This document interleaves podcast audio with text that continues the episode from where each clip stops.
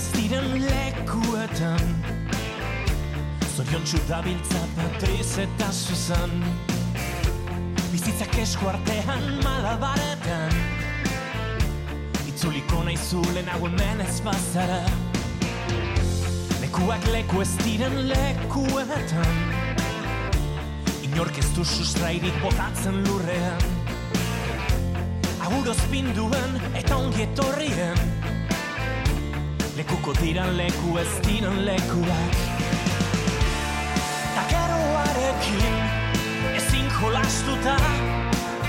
Bienvenidos a la Casa de la Palabra. Recuperamos dos entrevistas cuyas protagonistas son mujeres que, aunque vinculadas con Euskal Herria, estudian y trabajan en puntos muy distantes.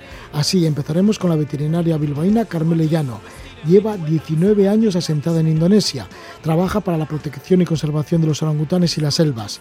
Para ello ha creado la organización internacional Animal Rescue. Es una mujer admirable, Carmele, entregada a la causa de recuperar estos grandes simios en Borneo. La entrevista la emitimos por primera vez el 10 de agosto de 2021. Poco después se publicó el libro Los orangutanes y yo. Bueno, viene a ser un volumen, un volumen con ilustraciones en forma de cuento escrito tanto en castellano como en euskera. Una buena manera de concienciar a los niños de la importancia de cuidar el planeta y los animales. Carmele Llano, un referente del conservacionismo. Y luego estamos con Edurne Arostegui, vasco-californiana, que nos relata su adolescencia en el Valle de Napa. Edurne, que es historiadora, nacida en California, de padres vascos, y realiza un doctorado sobre la presencia de las mujeres vascas en el oeste americano. Nos va a relatar su vida de adolescencia y juventud en el Valle de Napa, donde nació. Eh, es una zona bastante vitivinícola también nos comentará su paso por la universidad, su llegada a Euskal Herria y los contrastes que encontró entre las dos sociedades, la californiana y la vasca. Esto nos lo cuenta Edurne Arostegui, pero antes estamos con Carmele Llano.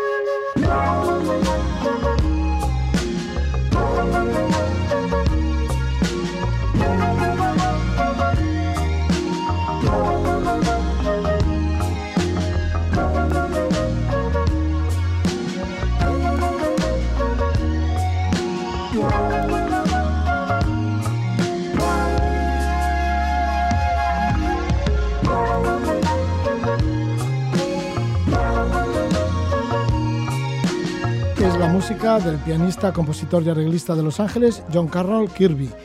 Y nos vamos con esta música a introducirnos en las selvas de Borneo y lo hacemos además con una buena anfitriona como es Carmele Llano. Carmele Llano que continúa con la defensa de los orangutanes y otros animales salvajes en las selvas de Indonesia. Está instalada en Katapang, en Kalimantan, en la parte de Indonesia de esta gran isla de Borneo. Carmen Lellano Sánchez nació en Bilbao en el año 1978. Estudió veterinaria tras trabajar en centros de recuperación de especies en Venezuela y Holanda. Llegó de voluntaria a Indonesia en el año 2003. Creó un grupo en defensa de los animales en Yakarta. En el año 2008 fundó, junto con su marido Arguito Rantin, la ONG Internacional Animal Rescue para combatir el tráfico de especies salvajes y proteger las selvas y su hábitat. Carmele obtuvo el doctorado en el año 2011 por la Murdoch University de Australia. Desde la creación de la International Animal Rescue ha conseguido reintroducir en el bosque a orangutanes rescatados que han podido adaptarse de nuevo a la vida salvaje. Además, esta organización lleva un programa de apoyo a la sanidad, a la educación y al empleo de las comunidades indígenas locales para frenar el deterioro del ecosistema en Borneo del que dependen estos grandes simios y otros animales. Así que Carmele pues encuentra muy metida de lleno en este tema desde el año 2003, han pasado mucho tiempo, le hemos hecho varias entrevistas en este mismo programa y ahora pues aprovechamos que se encuentra vacaciones para estar de nuevo con ella, con Carmele Llano. Le damos la bienvenida. Gabón, buenas noches Carmele. Gabón, buenas noches, Roge. Bien, Carmele, pues una vez que terminaste los estudios de veterinaria, parece que lo tenías como muy claro, ¿no? Que querías trabajar con animales salvajes en su hábitat.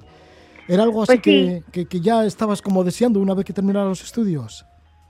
Sí, también eh, un poco contribuir a la conservación de especies. Eh, vivimos en una generación en la que estamos viendo tantas especies que están eh, yendo a la extinción, ¿no? Y, y creo que, bueno, me parecía importante la labor de los veterinarios también para poner su grano de arena en, en el, bueno, intentar frenar esta, esta pérdida de biodiversidad que estamos viviendo ahora. Sí, pero eran unas ideas que las tenías como muy claras cuando estabas estudiando veterinaria, esto de, de, de conservar la biodiversidad y de irte a alguno de estos países así lejanos y exóticos. Pues sí, yo creo que porque desde pequeñita ya, bueno, pues eh, a mí me influyó mucho Félix Rodríguez de la Fuente. Fuimos de esa generación en la que nos, eh, nos eh, quedábamos enfrente del televisor todo, todos los días que había un programa de Félix y, y aprendimos mucho de la fauna ibérica y, bueno, eso yo creo que también me introdujo un poco a, amar un poco la naturaleza de nuestro entorno y, eso me llamó pues a, a, bueno, a quizás querer dedicarme más a a los animales salvajes. No fue en concreto en Indonesia o en ningún otro país. Yo quería dedicarme a esto de, de la conservación de la biodiversidad y de la, el rescate de animales salvajes y así es como bueno pues luego empecé a hacer experiencia en, en varios países desde España a, otros países como Sudamérica y hasta bueno después acabando en, en Asia en Indonesia no ¿Cómo recuerdas esos momentos, esos inicios en Indonesia? Por ejemplo, cuando te llegaste hasta Kalimantan, en Borneo, en donde resides actualmente, y te encontraste, pues supongo que con, mucha vegetación, con mucho bosque. Eh, ¿Cómo podías abarcar todo eso y cómo podías defender también a los orangutanes? ¿Qué era tu propósito?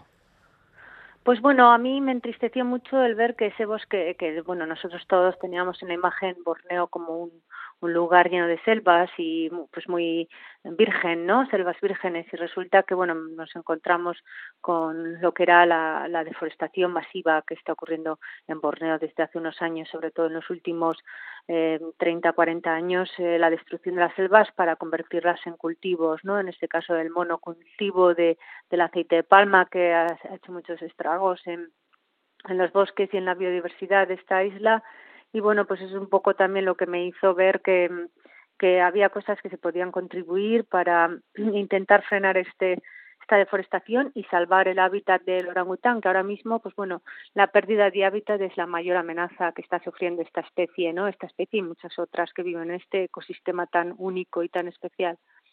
¿Te has encontrado muy sola o poco apoyada, sobre todo al inicio, cuando llegaste a Indonesia en el año 2003? Eh, ¿Qué barreras tuviste que salvar?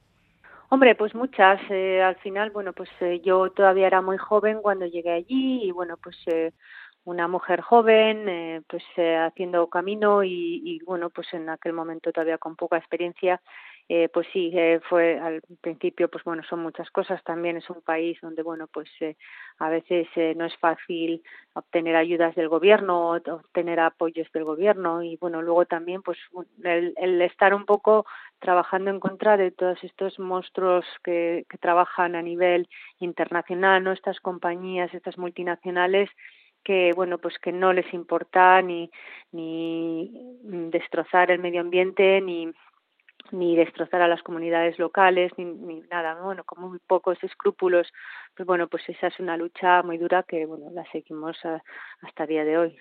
Sí, algún día, alguna vez te has sentido como, no sé si amenazada o no sé si es la palabra, o intentando que te desplaces o que te vayas de allí por el trabajo que estabas haciendo a favor de los animales. No, no, hasta ese punto no, nunca, porque bueno, pues también nosotros sabemos cómo, cómo trabajar y, y bueno, pues al final el, mm, cualquier tipo de amenaza de ese tipo pues no sería eh, bueno para mí o por la, la, ONG o para el trabajo que hacemos. Pero bueno pues eh, al final es un poco la frustración no de, saber que bueno que estas compañías eh, eh, siguen haciendo tanto daño cuando lo único que quieren es sacar beneficio y cuanto más beneficio mejor no y, a, y por culpa de estas eh, estas multinacionales que cada vez hacen más dinero, pues, pues cada vez, eh, bueno, el entorno es el medio, nuestro medio ambiente que nos pertenece a todos, pues se ve cada vez más perjudicado y bueno, y esas consecuencias las tenemos que vivir nosotros, incluso en lo que estamos viviendo ahora, el cambio climático cada vez se, se, se ve más, ¿no? Y lo sentimos más, ¿no? en el día a día. Sí, porque tú ya estás advirtiendo de todo esto, ¿no? Del hábitat de los orangutanes que va desapareciendo y no solo perjudica a los orangutanes, sino que está perjudicando pues, a todo el planeta. Ya has comentado que una de las consecuencias es el cultivo de la palma aceitera para la producción esto de carburantes, ¿no? El biodiesel o el agrocombustible. También está el tema del aceite de palma, con el cultivo de la palma aceitera, que está acabando con los bosques de Borneo y otras partes de Indonesia. Y luego también está el tema de los incendios, ¿no? Y todo esto, bueno, pues lleva a la caza furtiva y a que vayan desapareciendo estos orangutanes y a que vaya desapareciendo también el hábitat de estos orangutanes. Así es, bueno, pues al final es un poco toda esa presión que se pone en el hábitat del orangután, pues también afecta a las comunidades locales que cada vez tienen menos em, espacio, ¿no? Menos eh, eh, menos áreas y, y, cada vez pues tienen más difícil vivir de forma tradicional y eso también conlleva que esas eh, bueno esa gente que vivía los indígenas que vivían en esta isla pues al final eh, pierdan sus costumbres y sus tradiciones y, y, a veces también el respeto por la naturaleza y eso se converta en, en otra amenaza también para el orangután y otras especies. Sí, porque esto es la caza furtiva, la caza furtiva que igual lleva a muchos locales, quizá igual por la pobreza o por lo que sucede por allí, a vivir de eso, ¿no? De esa caza furtiva. Pues sí, entre otras eh, cosas también, pues al final eh, eh, al final lo que buscan muchas de estas personas es eh, alimentar a sus familias, ¿no? O sea, es una cosa, una cuestión de subsistencia y bueno, pues eso conlleva que al, bueno, pues eh, el perjuicio venga para eh, los animales, en este caso el orangután, pero muchos otros animales, pues bueno, bien sea a través de la caza furtiva o la tala ilegal del bosque, ¿no? Pero bueno, pues al final estas em, comunidades locales lo único que quieren es sobrevivir y poder tener acceso a lo más esencial, bien sea sanidad eh, y educación, ¿no? Con lo, más mínimo a, tener un plato en la mesa todos los días. Entonces, bueno, pues eh, si no podemos eh, cubrir sus necesidades básicas y, asegurarnos de que estas personas puedan subsistir, pues al final la lucha es muy difícil, pues ya no es, solo la lucha contra las, las em, compañías internacionales que vienen de fuera, pero también incluso una lucha en contra de las mismas comunidades locales. Sin, esas, sin poder colaborar, si no podemos colaborar con esas comunidades locales, es prácticamente imposible ganar la batalla, ¿no? Entonces, bueno, pues eso es lo que hacemos, darles mucho apoyo, capacitación, y cada vez trabajar más con estas comunidades locales que sean ellos los que los que quieran conservar su naturaleza y sus ecosistemas y bueno pues eh, su legado no que les eh, queda pues bosques maravillosos especies que son únicas todo eso que, que hay todavía en, la isla de Borneo ¿Con qué motivo fundasteis International Animal Rescue, vuestra ONG, y cómo ha evolucionado en los últimos tiempos? Pues bueno, eh, la ONG nació un poco a, basada sobre todo en, lo que es el bienestar animal, el rescate de animales salvajes, en este caso orangutanes y otros primates. Y, bueno, pues eh, con, con el tiempo ha ido creciendo y ha ido expandiendo eh, lo que es el área de trabajo, porque al final el problema de los animales salvajes, el problema de la, la, amenaza que hay mm, mm, para muchas de estas especies no está en los animales. El problema no está en los animales, sino que está en los humanos.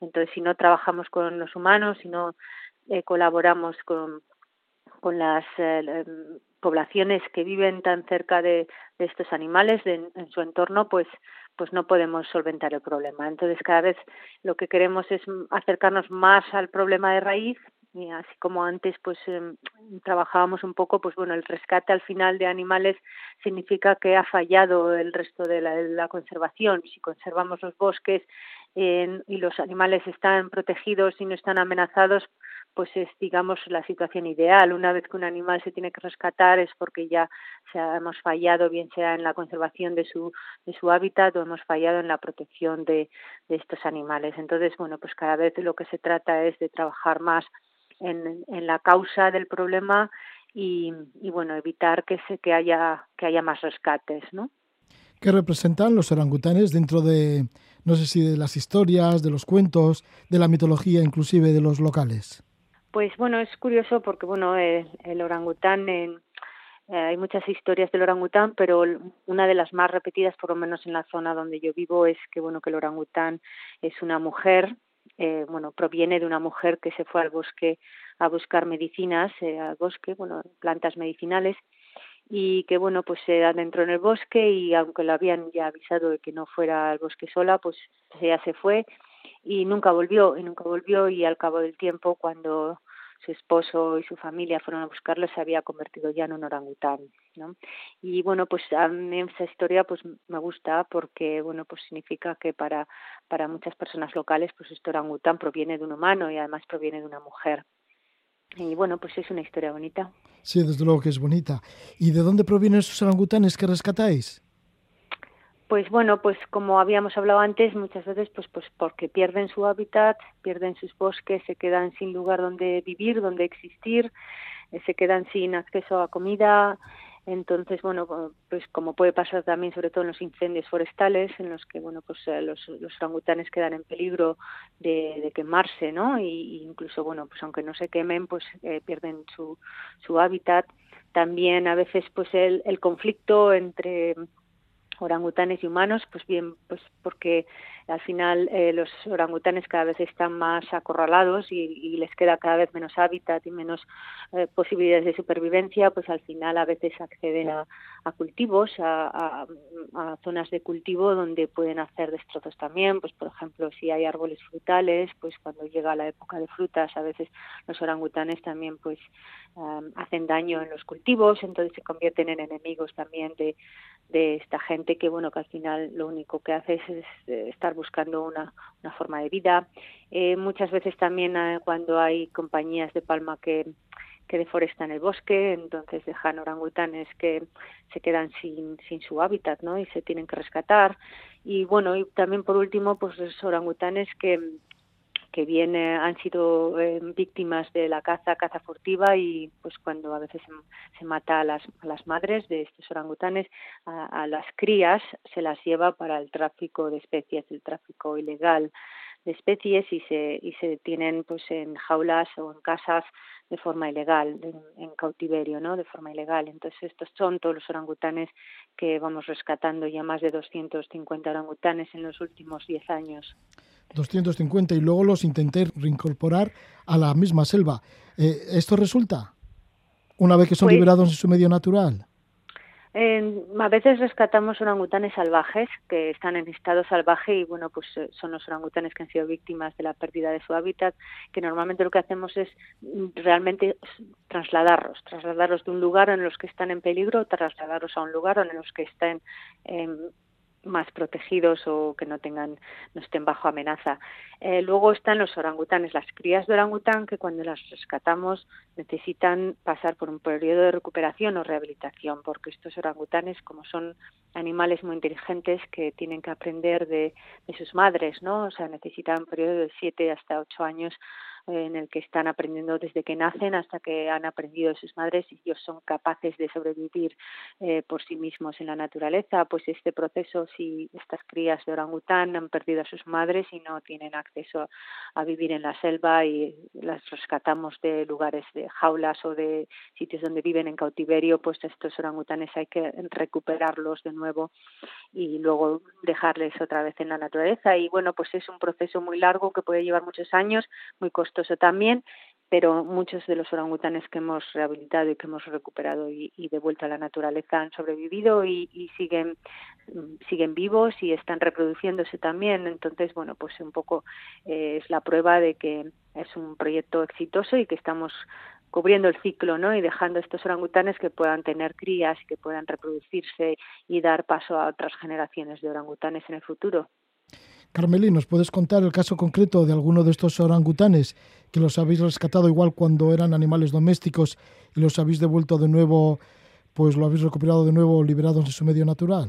Muchas, muchas historias, pero bueno, sí, eh, alguna, alguna historia como por ejemplo la de un orangután Penny que que tras haber estado varios años en el centro, eh, bueno, la recuperamos después de que se habían matado a, su, a su madre y, pudimos rescatar a la cría y la llevamos al centro y, tras varios años de recuperación la devolvemos a la naturaleza y ya llevamos tres, eh, cuatro, cuatro años creo que son ya eh, haciendo bueno pues monitoreo de su, su comportamiento en la naturaleza una vez que se liberan no se les puede dejar a sí mismo no también necesitan eh, que llevemos un, seguimiento y bueno pues esta orangutana ha sido capaz de, criar y, de, bueno, pues ahora eh, está en la selva con, con una cría, ¿no? Y bueno, pues esta es una de las historias, una de, de las muchas historias que de orangutanes que hemos podido recuperar y, y, hacernos pues,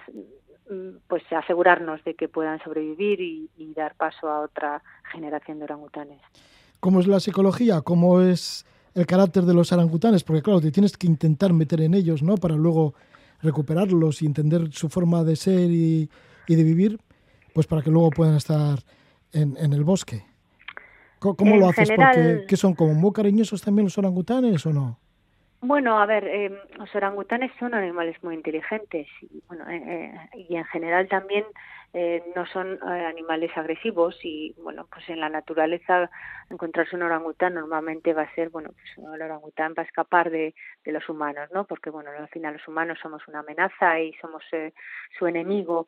Em, en realidad, bueno, pues el orangután es, es tan inteligente que, bueno, pues lo mismo que puede aprender las cosas de, de un orangután también puede aprender mucho de lo que hacemos los humanos, sobre todo cuando viven entre humanos, ¿no? Y, y bueno, pues cuando tenemos a estos orangutanes que han sido víctimas del tráfico ilegal de, especies y que han vivido en cautiverio, rodeados de humanos, pues a veces han humanizado mucho, ¿no? Y entonces, bueno, el proceso de recuperación lo que se trata es de volverles a, hacerles más salvajes de nuevo, ¿no? Por eso le llamamos la escuela del bosque, ¿no? Es el sitio donde los, estos orangutanes que, que, que han vivido mucho tiempo con humanos, pues intentar devolverles eh, su, su instinto natural y, y aprender los unos de los otros y, y así convertirse otra vez en, en orangutanes. Pero bueno, en general eh, los orangutanes son animales que, que no son agresivos, pero sí porque son muy listos, también son muy capaces de eh, acordarse de, bueno, pues, eh, o, o, de tener incluso, ah, digamos, actitudes eh, de vengarse, vengarse de, de la o sea, si, si alguien, si se sienten amenazados por alguien, eh, es posible que, que, puedan eh, incluso eh, ser agresivos hacia esa persona, porque normalmente se, se acuerdan, se acuerdan de la gente que, que ha tenido eh, que ha sido agresivos en contra de ellos, ¿no? Entonces, bueno, pues son animales muy interesantes para, para trabajar y, sobre todo como veterinaria, pues porque son animales que llegan a entender incluso en los momentos en los que están enfermos, en los momentos en los que se les tiene que dar medicinas y, y bueno, pues que eso les permite eh, recuperarse y, y, curarse, ¿no? son animales muy especiales algunos de estos animales por lo especiales que son y por el contacto y la relación que tienes con ellos pues tan fuerte y la lucha que llevas como activista en defensa de los orangutanes ahí en las selvas de Indonesia, algunos de ellos mm, son como parte de tu familia o han sido parte de tu familia. No, no. Digo que igual los conoces por su nombre, que ellos te reconocen. Sí, claro. Sí, a ver, por supuesto, conocemos por su nombre y ellos nos conocen a nosotros también. Eh, en realidad, lo que nos eh, lo, de lo que se trata en centros de recuperación es devolverles el instinto salvaje y mm, hacerse, bueno, asegurarse de que estos animales no dependan del humano. Entonces, cuanto menos contacto con el humano, cuanto más eh, se les pueda dejar para que puedan vivir como otros orangutanes salvajes, pues es mejor para su proceso de recuperación y para que puedan sobrevivir una vez que se les libera a la selva, ¿no? Y después de todos estos años, ¿qué te han enseñado los orangutanes? ¿Con qué te quedarías de todo lo que has aprendido con ellos? Bueno, pues sobre todo pues la paciencia. Son, los orangutanes son muy pacientes, observan mucho, eh, son capaces de, observar y aprender mientras que observan y, y, de quedarse mucho con, con las cosas. Yo creo que bueno, pues esa ha sido una de las cosas que, que me han enseñado los orangutanes. Seguramente que muchas más cosas que he aprendido, eh, seguramente he aprendido yo mucho más de ellos de lo que ellos han aprendido de mí.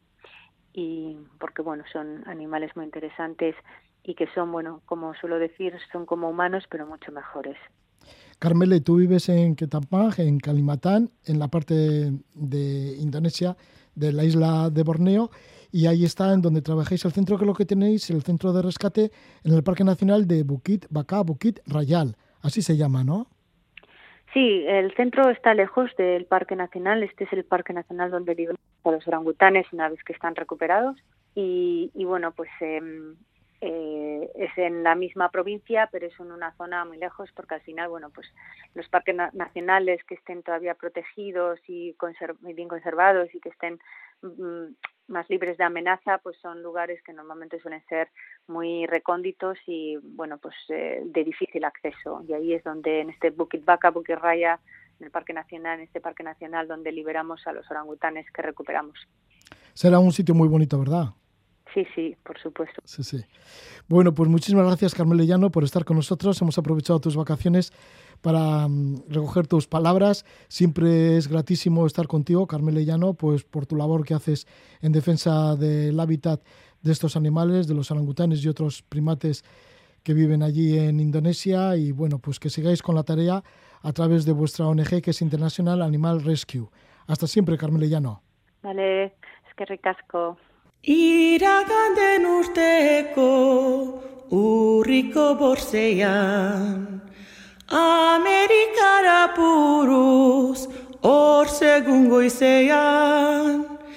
Nindoan sendimendu asko bihotzean Alde batean pena plazera berzean Zer uste nuen ta zer, arzen oroitzean.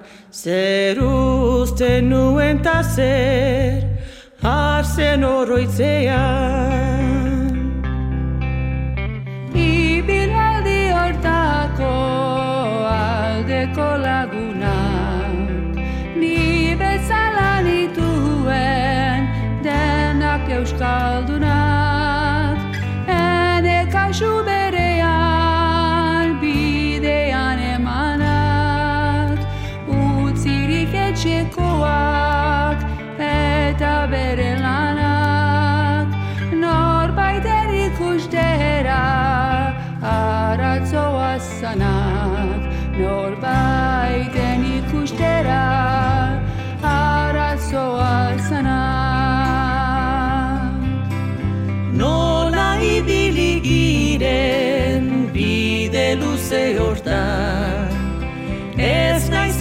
Sartuko xeetasunetan bururaino Es el tema Amerikaetako Itzulia, Tour of America, que lo interpreta Miquel Márquez junto con las cantantes de vascas de California, Andrea Vidal, Begoña Echevarría y Katy Petrisans.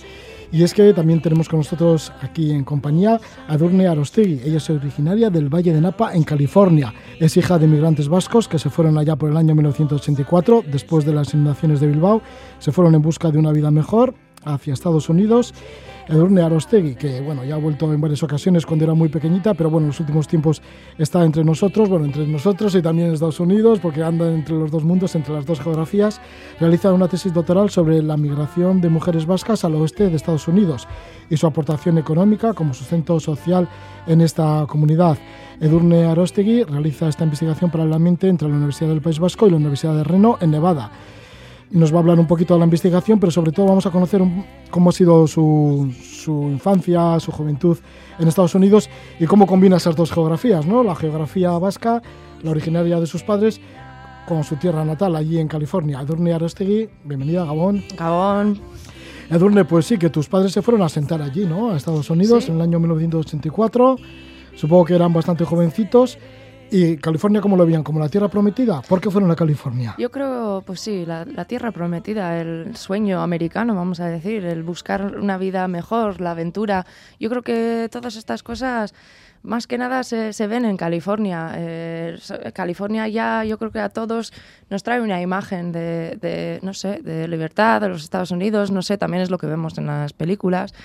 Y pues ahí, ahí, al mejor tiempo también, ¿eh? Yo creo que una vez que te quedas en California un tiempo, eso de la lluvia de aquí, bueno, mm, entristece bastante. Así que el sol, me imagino que también les he traído bastante. Tus padres, Iñaki Arostegui y Ana Gómez, pues siguen allí. no han vuelto de California. Ya llevan más tiempo allí que, que el tiempo que vivieron aquí antes de emigrar. Y ya, pues no sé, volver, vuelven, pero volver para permanentemente, pues no sé, hay veces que yo lo dudo bastante. Yo creo que ya se han hecho igual hasta más americanos que mi hermana y yo. bueno, que sois dos hermanas. Eso es. Y que tú eres como muy americana, que vamos, que adaptarte a la vida aquí, decían tus padres que te iba a ser difícil, pero sin embargo, aquí estás. Eso es, yo de pequeña siempre me costaba, no quería, especialmente en la adolescencia, tengo que ir, tengo que ir durante el verano, voy a echar de menos a mis amigos y mi familia aquí, y mis padres siempre decían, va, Edurne es menos, esa, esa es más americana, que a mi hermana Beatriz le pegaba más lo de aquí y tal, pero mira, al final yo soy la que ha vivido aquí y estoy muy, joven, me siento, me siento como en casa aquí. ¿Cómo es tu casa allí en California? ¿Cómo primero tus padres se adaptaron a California? ¿Encontraron enseguida trabajo? Sí, sí. Porque primero se adelantó tu madre, ¿no? Eso es, sí, es interesante. La, me, gusta mi, historia personal para mi propia investigación, pero sí, fue mi ama la que fue primero eh, y creo que estuvo pues igual medio año eh, sola trabajando y luego ya fue mi padre, eh, pues no sé, ahí persiguiéndola o no sé cómo se diría, pero sí, le echarían falta o algo así y ya pues estaban en ese momento al principio en el sur de California, pues, en los alrededores de Los Ángeles y luego ya pues, pues creo que después de un año más o menos ya se fueron al norte, al Valle de Napa, que está como a una hora y media de San Francisco, al norte de San Francisco.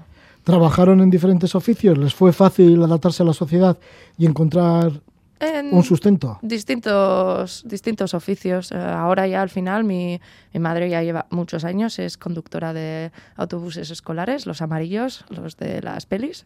Los típicos típicos, ¿no? Sí, sí, cuando viene están gente... por todo Estados Unidos, incluso por Canadá. Eh, sí, sí, sí. Y en Centroamérica también. También, pero ahí es todos los autobuses escolares son amarillos. Y siempre cuando ha venido gente a visitarme allí, a los Estados Unidos, siempre quieren sacarse foto con, con el autobús de la escuela de mi madre. Así que siempre me hace mogollón de gracia. Sí, bueno, que es una imagen bastante típica, ¿no? Sí. Y luego, ¿cómo es el Valle de Napa, en donde vivís allí en California? Pues Porque también tiene fama de eso, del vino, del vino de California. Eso es, es el, bueno, tanto Napa como Sonoma, que están pegados. Los dos valles eh, son muy conocidos por el vino, muy buen vino y muchas bodegas.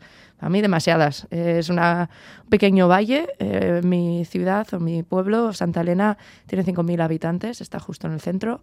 Y pues hay una carretera que va por el medio del valle y de dos, pues, de dos direcciones y ya está.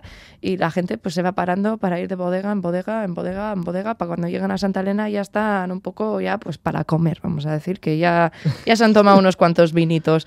Así que es toda la economía básicamente tiene algo que ver con, con los viñedos, con el vino, todos tienen algún tipo de relación a, a las bodegas. ¿Es un valle con algún microclima especial, el Valle de Napa, para tener ese buen vino? Sí, el clima, dicen, pues es bastante parecido al Mediterráneo, entonces, eh, y la tierra eh, es, buena, entonces es un sitio idílico para, para, para los viñedos y pues están muy, pues es, lo tienen como perfeccionado, vamos a decir, eh, mucho tecnología, todo para no sé, siempre, nunca hay un vino malo, todos son buenos, no sé cómo decirte, no, no hay mal año, lo prevén, lo, lo, calculan de alguna forma y nunca, nunca sale vino malo. Entonces hay mucho adelanto tecnológico, pero también se cuida mucho, claro, se cuidarán mucho los viñedos, se cuida mucho el paisaje, la naturaleza. Sí, es muy, es muy distinto al resto de los Estados Unidos. Ah, eh, se pasó ya hace, pues yo creo que por lo menos hace 30 años, diría yo, una ley donde no se pueden meter eh, comercios eh, de cadenas o multinacionales.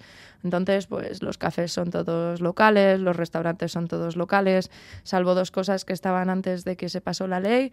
Eh, pues hay cultura de ir al, pues, al mercado de los granjeros a comprar los tomates en verano o pues comprar lo que quieras. los supermercados son más chiquitines, más de cosas locales eh, y no ves pues un Starbucks o nada así, no, es todo muy rural, pero cuidado, muy, muy bonito, muy verde, precioso, la verdad, pero muy, muy, muy cuidado. ¿No hay grandes almacenes? En, en, el Valle de Napa no, ya tienes, tendrías que ir a Santa Rosa o a Napa, pero no, no hay grandes almacenes. O sea que lo tienen claro que cuidan mucho el producto local. Eso es, sí, eh, tanto, bueno, el vino, naturalmente, y luego la comida, pues también eh, eh, hay algo de ganado y también pues eh, granjeros, vamos a decir, pero eh, a ver, mm, yo diría que el 90% de la superficie son viñedos, punto. ¿Qué hacen los jóvenes en el Valle de Napa? Nada. ¿Cómo nada? Porque ya estáis hartos de ir de bodega en bodega. Bueno, Igual mira, ahora, ¿no? ahora, ya lo, ahora ya lo aprecio más, ¿eh? Y ahora puedo ir a las bodegas porque, claro, hasta los 21 años no puedes beber en los Estados Unidos. Entonces, pues de pequeña, bueno, de pequeña, de adolescente, nuestro sueño era sacarnos el carnet de conducir con 16 años para poder tener, yo qué sé, para ir a ver una peli. A ver, tenemos cine en Santa Elena, somos así afortunados, pero solo tiene una película cada dos, tres semanas y de una- un cine de una sala, muy cómodo, muy bien, puedes pedir vino, pero eh, pues no, no era lo ideal y yo pues como en mi juventud eh, pues era muy de ir a conciertos, pues nada, eh, cuando el primer amigo sacó el carnet de conducir, todos los fines, pues para un sitio para otro, a ver conciertos y a ver a grupos y salir de Santa Elena. Conciertos que, serían, que serán buenísimos, ¿no? En California, bueno, pasarán por ahí los mejores grupos del mundo. Ahora De había de rock. todo, de todo, ¿eh? A ver, no, los, los típicos que íbamos todos los fines, pues eran grupos mm, pequeños, locales, eh, de grupo de eh, discos independientes, etcétera. Eh, yo era bastante punky, así que era más música así punk. eh, pero luego ya en San Francisco, pues sí, más festivales, más grupos grandes y sí, a ver. eh, lo bueno de vivir en esa zona es que ninguna banda se salta a San Francisco en una gira, o por lo menos la área de San Francisco. Así que, pues, no sé, desde pequeña hay cosas, cosas que no que luego pienso y digo, "Jo, pues no sé, po- no fui a ver a Bruce Springsteen, podría, podía haber ido y no, no quise ir. Y digo, joder, porque ya tenía tantos conciertos, y digo, va, mañana tengo clase, va, no, no, no voy a verle. Y ahora pienso, joder, o yo qué sé, pues grupos, grupos así, grandes y... ¿Tenéis mucho recorrido desde Santa Elena, en el Valle de Napa, a San Francisco? Eh, en kilómetros no son muchos, pero claro, la área de la bahía, pues hay varios puentes, etcétera, así que se tarda hora y media.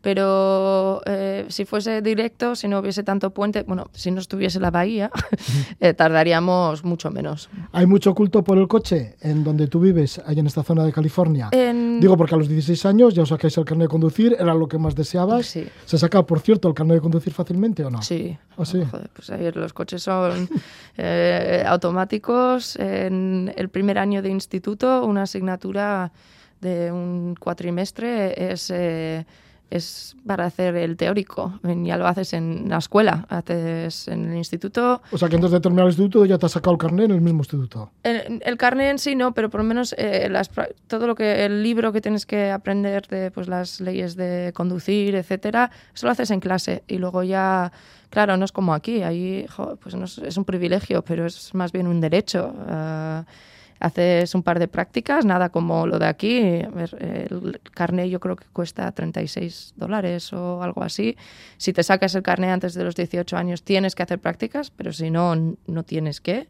Entonces te sacas el teórico, bastante fácil, tipo test, y luego tienes unos cuantos meses donde conduces con tus con tus padres o con gente que ya tiene carnet y luego ya vas a hacer el examen y ya.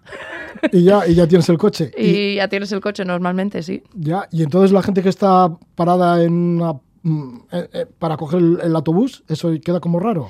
Eh, a ver, yo, yo he cogido al bus alguna vez en Santa Elena, pero hay un bus y el transporte público, eh, si no estás en una ciudad, no está muy bien organizado. Hay, un bus que va pues por el valle y te lleva a Napa y punto. I mean, eso es lo que hay. Um, luego ya en la ciudad, cuando me fui del valle, me fui a la universidad y me fui a Berkeley, eh, allí ya pues tenía coche, pero lo utilizaba hacer la compra y cosas así por, para no cargar pero allí pues entre metro, bus, etcétera, pues no, no había ninguna necesidad de, de usar el coche tanto. ¿Cómo te resultó la Universidad de California, la, la Universidad de Berkeley, que es tan famosa, no? Sí, con el inicio de movimientos sociales, ¿no? Por ejemplo, el, los el Free Speech Movement. Hay mucha gente, ¿no? Sí, sí, sí. Eh, bueno, ir a O sea, que es una universidad revolucionaria o qué? Sí, eh, sí, sí, ahora cada vez, bueno, sigue siendo bastante, eh, vamos a decir, liberal, pero ha cambiado mm, desde los 60, obviamente, es, es una institución de bastante privilegio, vamos a decir, o bueno, es pública, pero es la mejor pública del mundo, eh, según dicen, y me encantó, mm, me encanta. Si pudiese, jo, mi trabajo, yo que quiero ser profesora universitaria, si pudiese volver a Berkeley, que me hagan un departamento de estudios vascos y voy sin ningún problema. I mean, el campus es, el campus en sí es una pasada, es precioso, es enorme. I mean, uf, no, no te podría decir Como de, un de una punta de, de la base del campus a la mitad, un poco más de la mitad, tardas 20 minutos andando. O de un lado a otro. Es un, es un rectángulo enorme, vamos a decir, pero solo para que veas. A ver, aquí en Bilbao puedes ir de un sitio a cualquier punto a otro punto en 20 minutos. Pues no es tan grande como Bilbao, porque Bilbao es lo más grande, pero es enorme el campus en sí. La ciudad pues eh, tiene una oferta cultural, eh, también gastronómica impresionante y luego pues claro, tienes San Francisco al lado si te falta algo. ¿No es un ejemplo la Universidad de, de Berkeley en California para todo Estados Unidos? Digo, al ser una universidad pública, ser tan buena, bueno, un ejemplo para todo el mundo, pero también para Estados Unidos. Sí, sí, a ver, eh, a ver, dentro de los rankings de universidades siempre estamos en los primeros 10, eh, pero a, a la vez que Harvard o Princeton, las universidades privadas. Así que sí, es un buen modelo, es pública, no es pública en el sentido de que lo pensamos aquí. Si se paga, se paga bastante, pero se paga menos que yendo a una privada. Y al final eh, tienen, es que lo- el profesorado, todo es, eh, es impresionante. Mm, Y la, la biblioteca, los recursos que tenemos, las, todas las distintas bibliotecas, la biblioteca de música que yo hice, eh, yo me gradué en hi- historia y en música, y la biblioteca de música era una pasada. I mean, los manuscritos, todo lo que teníamos ahí, siempre, siempre tocar de versiones originales, claro. eh, fotocopiadas, pero nunca al tocar barroco siempre tocaba lo que habían escrito, no sé, los compositores. Era, no sé, muy guay, muy guay. Sí, porque estudiaste historia y te especializaste en historia alemana moderna y luego estudiaste música y te especializaste en musicología barroca. Eso es. Terminas la Universidad de Berkeley y llegas al País Vasco Sí. para estar seis meses, pero no estás seis meses, te quedas seis años. Sí, sí, no me lo cambias- esperaba, ¿eh? Y cambias de especialización también. Mucho, muy, muy. A ver, yo cuando me gradué, pues no podía decidir entre música o historia para seguir. Mm, Yo la, la historia alemana me sigue fascinando. Aprendí alemán, bueno, ahora ya lo tengo un poco perdido, pero eh, me, me encantaba mm, la Primera Guerra Mundial y, bueno, también temas culturales de la República de Weimar. Y en musicología, pues siempre había tocado música. Empecé el piano con, creo que siete, seis, siete años y pues luego guitarra, bajo, eh, no sé, mm, saxofón, claro, y luego el clavecín en la universidad, era una- sigue siendo una pasión mía la música. Y O sea que no has, no has parado en el Valle de Napa de aprender, ¿no? de aprender, ¿no? Eh, mi De familia bodega a es bodega no irías, pero... No, no, pero de clase en clase sí, eh, sí, en, en- en el instituto desde pequeña y todo, pues entre clases de piano y otros instrumentos eh, estuve en la banda, tanto la banda normal y luego la de jazz, luego estaba en el coro, en el coro de jazz, en la banda que toca en los partidos de fútbol, por decirlo de alguna forma, Pep Band también, eh, todos los grupos y luego también algún grupo los- que hice yo perdona, con mis... partidos de fútbol americano. Ah, claro, sí, Sí, sí, fútbol sí. americano. Eh, pero bueno, y también baloncesto y otros, pero eh, al final, pues para que hagáis una idea, porque no sé cómo se llamarían ese tipo de grupos de banda, de- pues sí, la música que tocan en, en partidos, ese tipo de, bueno, yo tocaba Sí. saxofón. En plan fanfarria y así. Eh, sí, entre en los huecos, ¿no? Cuando hay alguna... Para animar. Para animar, sí, sí, Sí. sí, sí, sí. Bueno, entonces, es que llegas para aquí, para seis meses, te quedas seis años, y cómo va cambiando tu, tu vida, porque ya, mm, ya te dedicas a hacer además un doctorado sobre la diáspora, Ujú. diáspora vasca en tu tierra, en, en el oeste americano, en el oeste de Estados Unidos, y además centrado en la mujer. Pero bueno, ¿y, cómo es que te quedaste seis años? Bueno, pues vine originalmente a estar con mi familia, con una abuela más que nada. En el Valle de Tobalina. En el Valle de Tobalina, eso es, en Quintana Martín Galíndez. Y ahí pues iba a estar eh, hasta diciembre, pero al final pues en septiembre, más o menos, eh, LAMPA, la Asociación de Madres y Padres, me ofreció trabajo dando solfeo, piano, inglés, como todo, como eso ha sido mi trabajo desde venir a venir, venir a vivir aquí y eh, creo que ah, y guitarra también di. Y entonces, pues como me contrataron, pues digo, ah, pues, pues me quedo hasta junio, ¿no?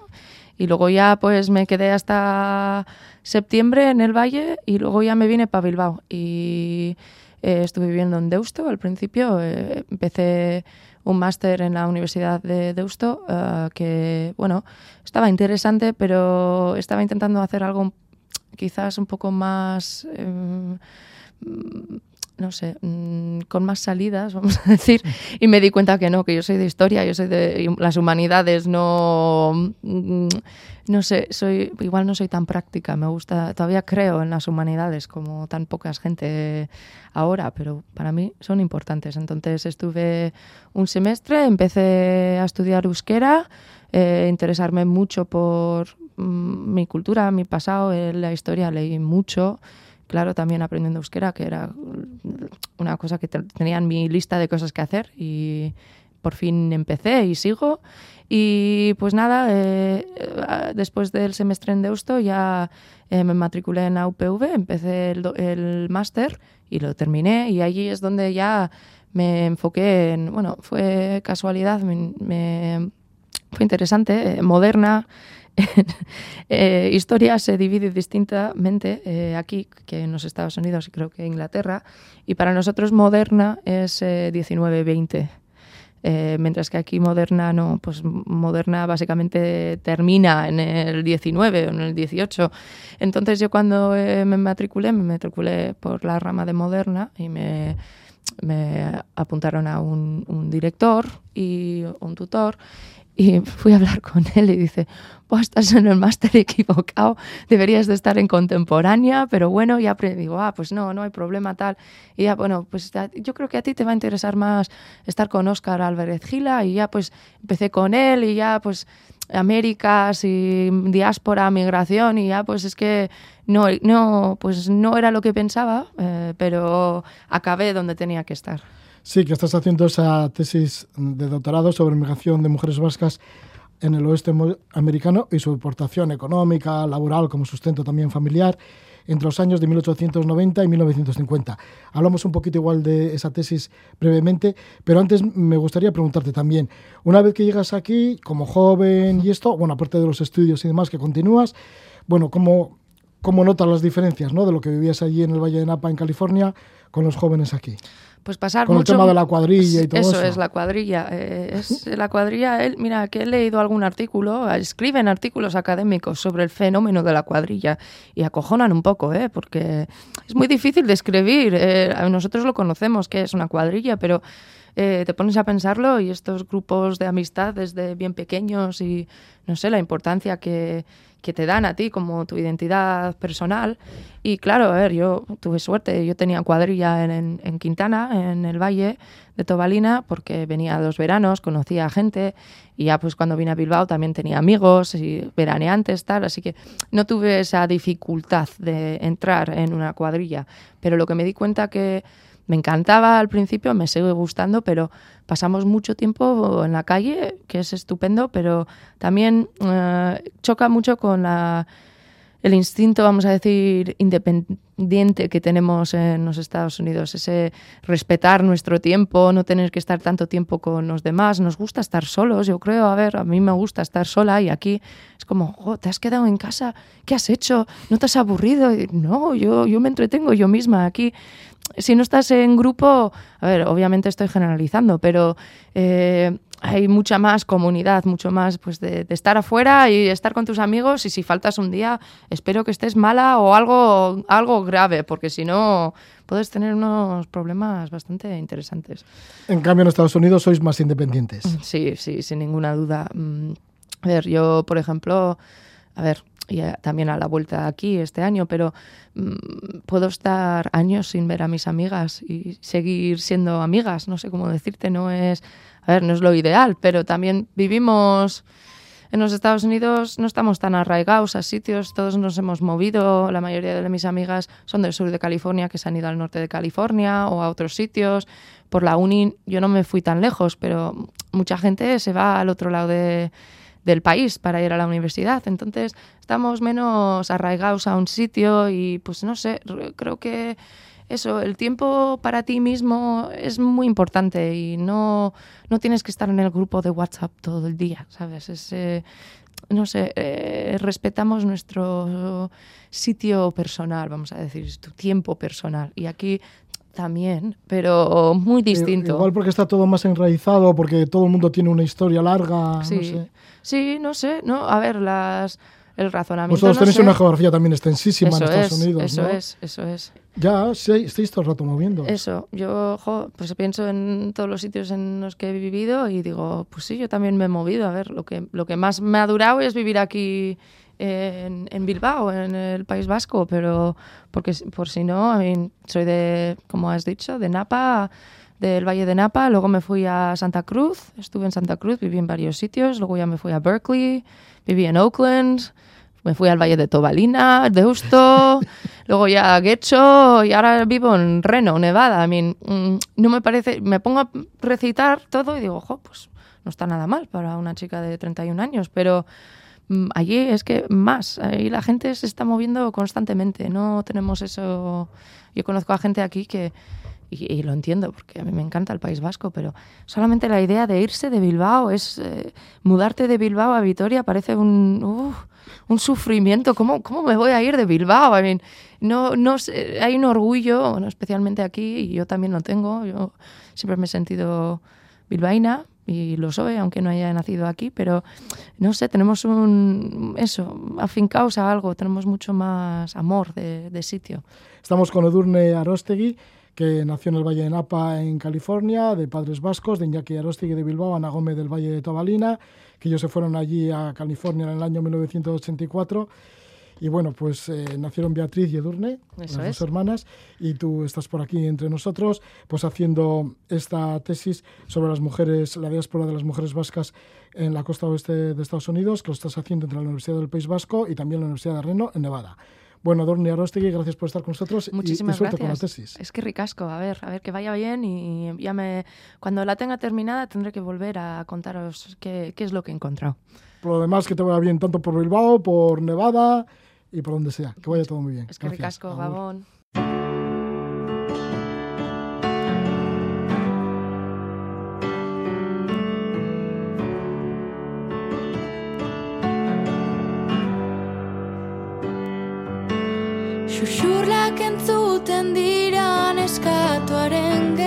Hemos recordado la entrevista que le realizamos a Durne Arostegui en diciembre de 2018.